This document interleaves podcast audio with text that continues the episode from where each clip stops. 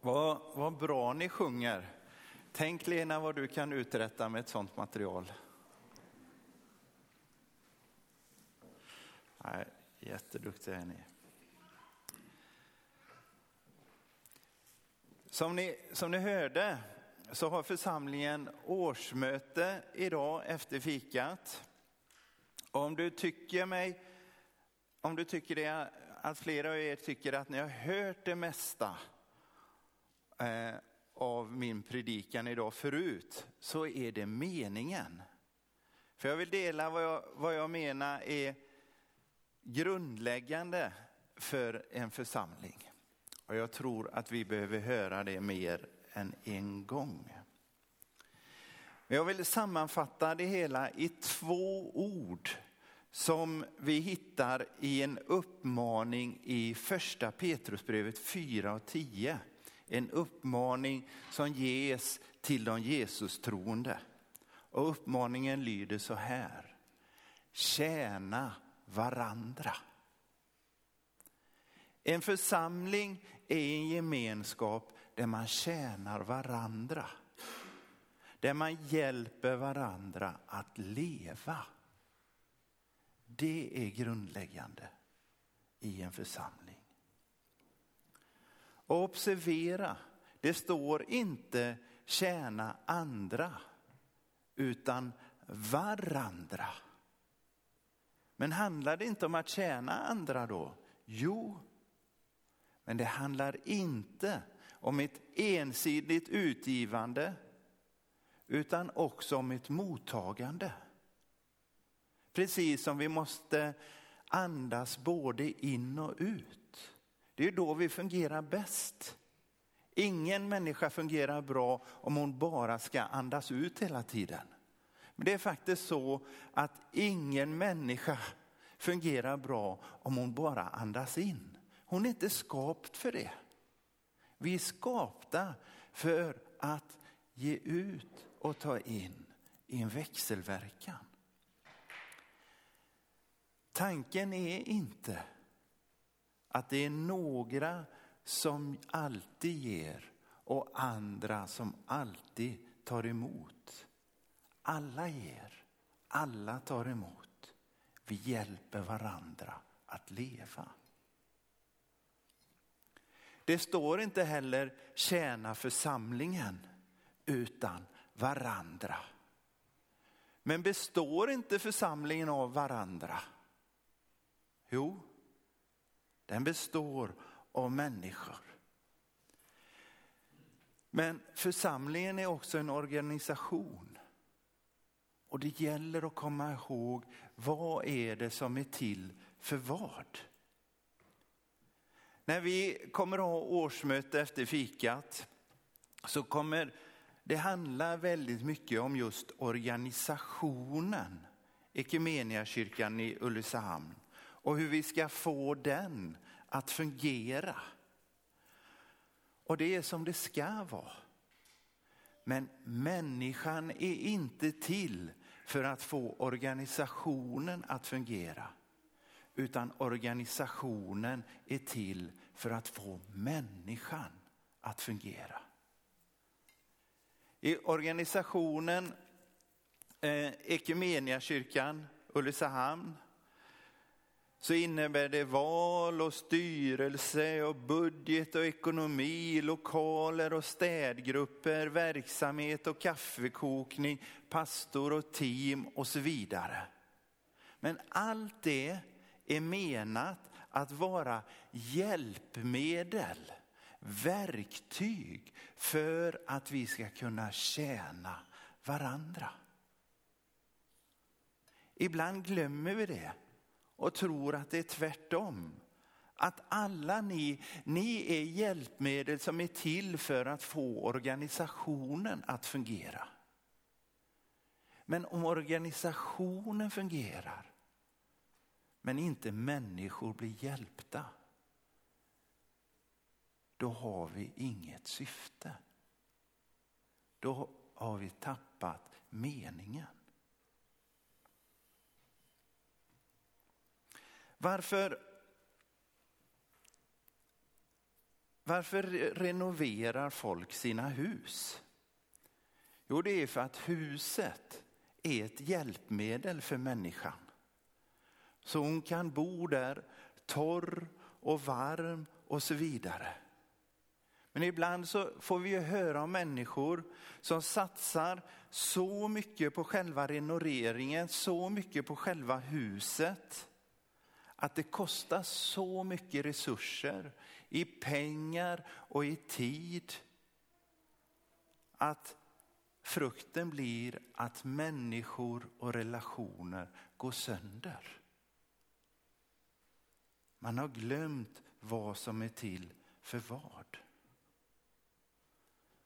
Så när vi i den här församlingen lägger upp vårt arbete och planerar vår organisation så behöver ju den grundläggande frågan vara denna. Hur blir allt det vi gör hjälpmedel till att hjälpa varandra och inte tvärtom? Hur lägger vi upp vårt arbete så att ingen ska behöva stå där ensam? Hur hjälps vi åt? För vi vill göra det tillsammans. Om du längtar efter en gemenskap där vi gör det tillsammans, där vi hjälper varandra. Då hoppas jag att du har kommit rätt. Det är i alla fall vår längtan, vårt mål. Det är däråt vi vill arbeta. Vi gör det tillsammans. Hur ska vi hjälpa varandra? Är det någon som har hört mig säga det här förut? Man kan inte ge det man inte har. Min fru har det i alla fall, någon annan. Två, tre, jag vet inte om jag ska bli orolig eller glad. Jag säger det igen. Man kan inte ge det man inte har. Det är faktiskt revolutionerande för en del att höra det. För de försöker leva hela sina liv med att hela tiden ge vad de inte har. Det går inte.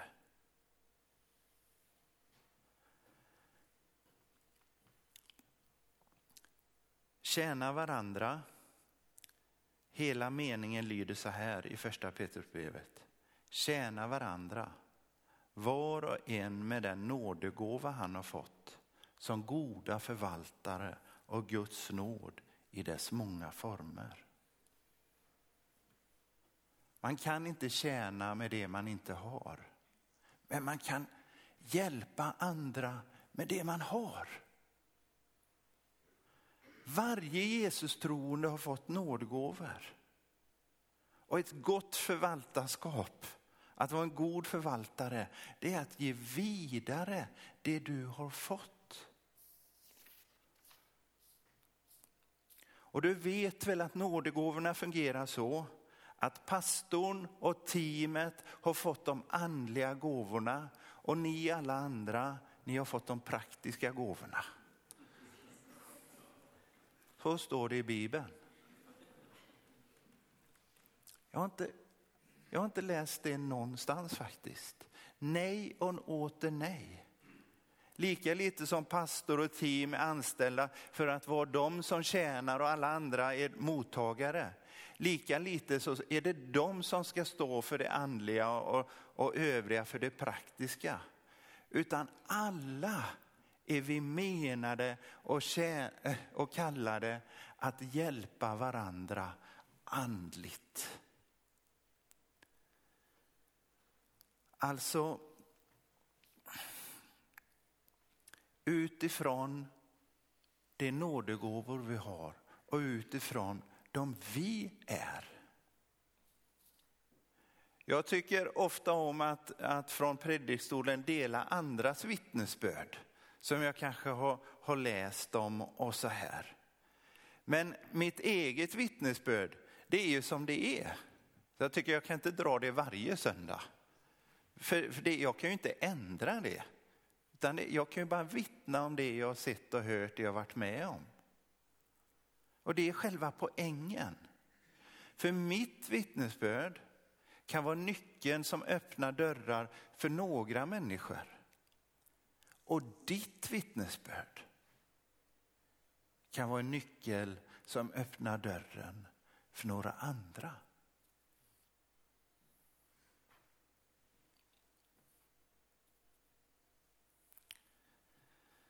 Så frågan är, vilken är din gåva? Vilka är dina gåvor?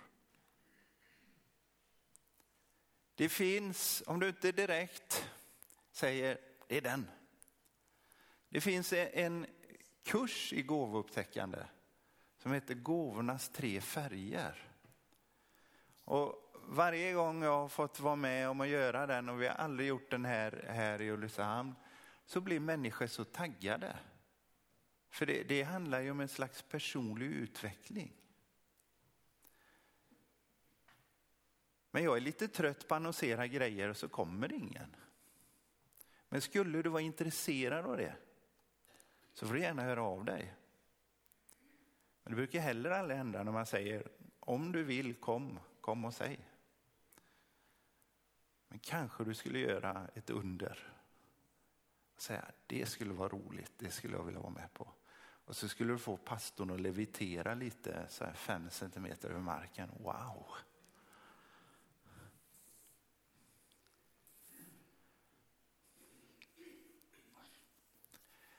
Versen fortsätter att tjäna varandra med de nådegåvor vi fått, allt det som goda förvaltare, så fortsätter versen. Den som talar ska komma ihåg att han får sina ord från Gud. Den som tjänar att han tjänar med den styrka Gud ger. Tänk vilken möjlighet. Och det är också något jag verkligen behöver. Jag behöver styrka från Gud att få kraft att kunna vara till hjälp. För jag tycker jag räcker inte riktigt till i mig själv. Du kanske inte visste det här men jag är faktiskt med i en popgrupp. Ja, präst och pastorsgruppen. Och när, när vi träffas lite nu och då så, så ber vi tillsammans och senaste gången vi träffades så bad en med orden från andra Timoteusbrevet 1 och 7. Han tackade för att Gud inte har gett oss modlöshetens ande utan kraftens och kärlekens och självbesinningens. Och det blev en hälsning kände jag in i mitt liv. Jag tänkte, ja just det. Det är ju lite det jag är drabbad av. Modlöshet. Pandemi, krig, el, elräkningar. Det är mycket som kan ge oss modlöshet. Men modlösheten är inte från Gud. Utan genom den helige ande så kan vi få kraft, kärlek och självbesinning eller självbehärskning som det också kan översättas. Det första jag gör på morgonen, till och med innan jag tänder kaminen, elräkningen du vet, så läser jag dagens bibelord i mobilen. Och idag så stod det så här. Gud har inte gett oss modlöshetens ande utan kraftens, kärlekens och självbesinningens. Kanske det är för att det är en hälsning inte bara till mig utan till oss. Gud har inte gett oss modlöshet utan kraft och kärlek.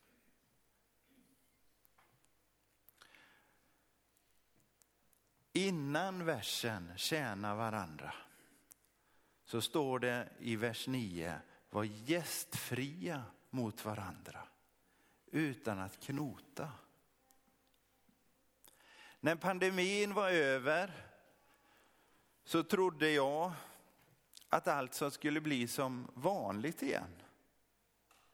Men efter den där första glädjen efter de slopade restriktionerna så är det ändå, upplever jag det i alla fall, i mitt liv och i andras liv, Att, att någon slags modlöshet och trötthet har dröjt sig kvar. En slags post-covid oavsett om, oavsett om man har haft covid eller inte. Och den, det kommer till uttryck i mötet med varandra. Eller det uteblivna mötet kanske jag säga. Det uttrycker sig både i en, i en blyghet och en bekvämlighet. I detta att till exempel vara gästfri, alltså att bjuda hem någon annan. Eller att, att börja gå i gudstjänst igen. Alltså, man blir blyg. Man, man vågar inte längre fråga och man, också, man blir också bekväm.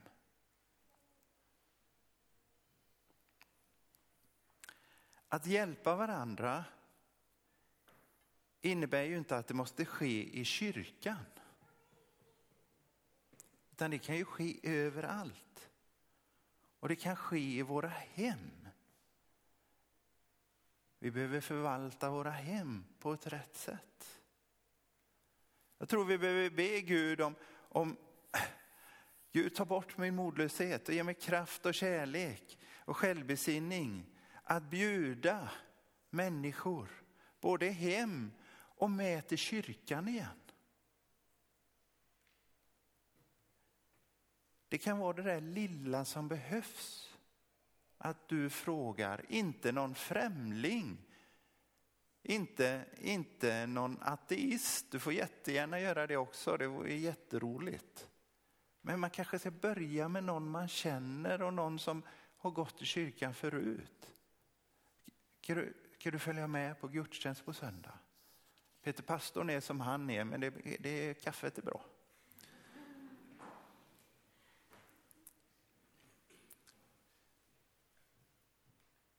Det kan vara det där lilla som behövs så att du säger, ska vi gå tillsammans? Det kan betyda så oerhört mycket.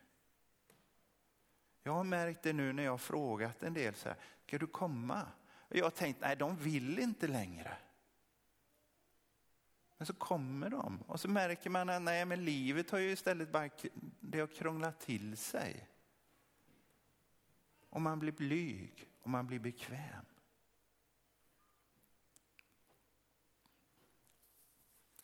Och versen innan gästfriheten är den här. Framför allt ska ni älska varandra hängivet, ty kärleken gör att många synder blir förlåtna. Vad betyder det? Jo, det betyder att det här är en ofullkomlig gemenskap. För jag är med här. Många synder behöver bli förlåtna. Att älska varandra innebär att vi vill varandras bästa. Att vi uppmuntrar varandra, att vi talar väl om varandra. Att vi också är beredda att förmana varandra i kärlek. Att vi ber för varandra, att vi förlåter varandra, att vi hjälper varandra. Att vi vill varandras bästa.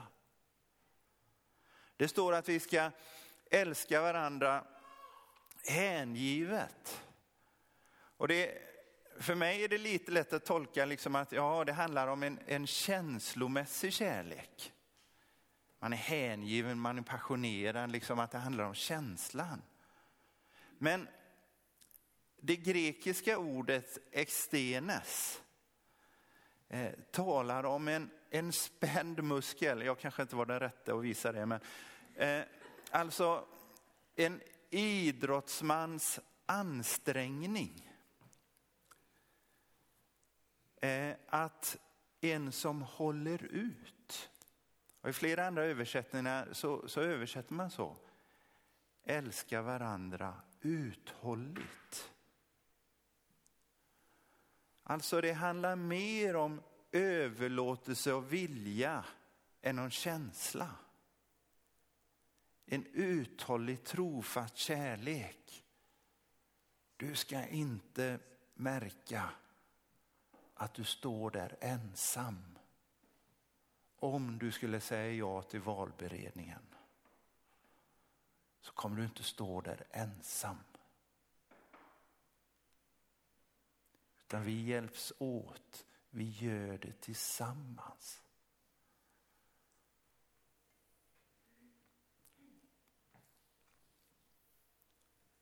Alltså en kärlek som består även när känslorna säger något annat. För känslorna brukar ju säga något annat när det finns något att förlåta.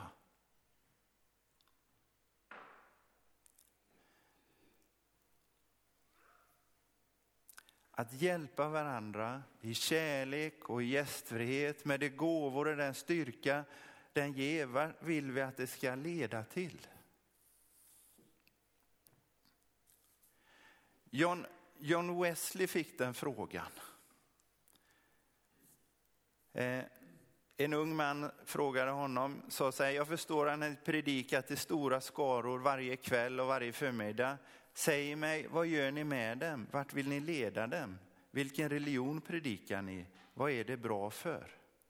Och Wesleys svar, jag har läst det förut, mer än en gång och senaste gången jag gjorde det så sa jag det här skulle jag gärna läsa varje söndag. Men när jag går tillbaka till mina anteckningar så senast jag gjorde det var i januari 2018.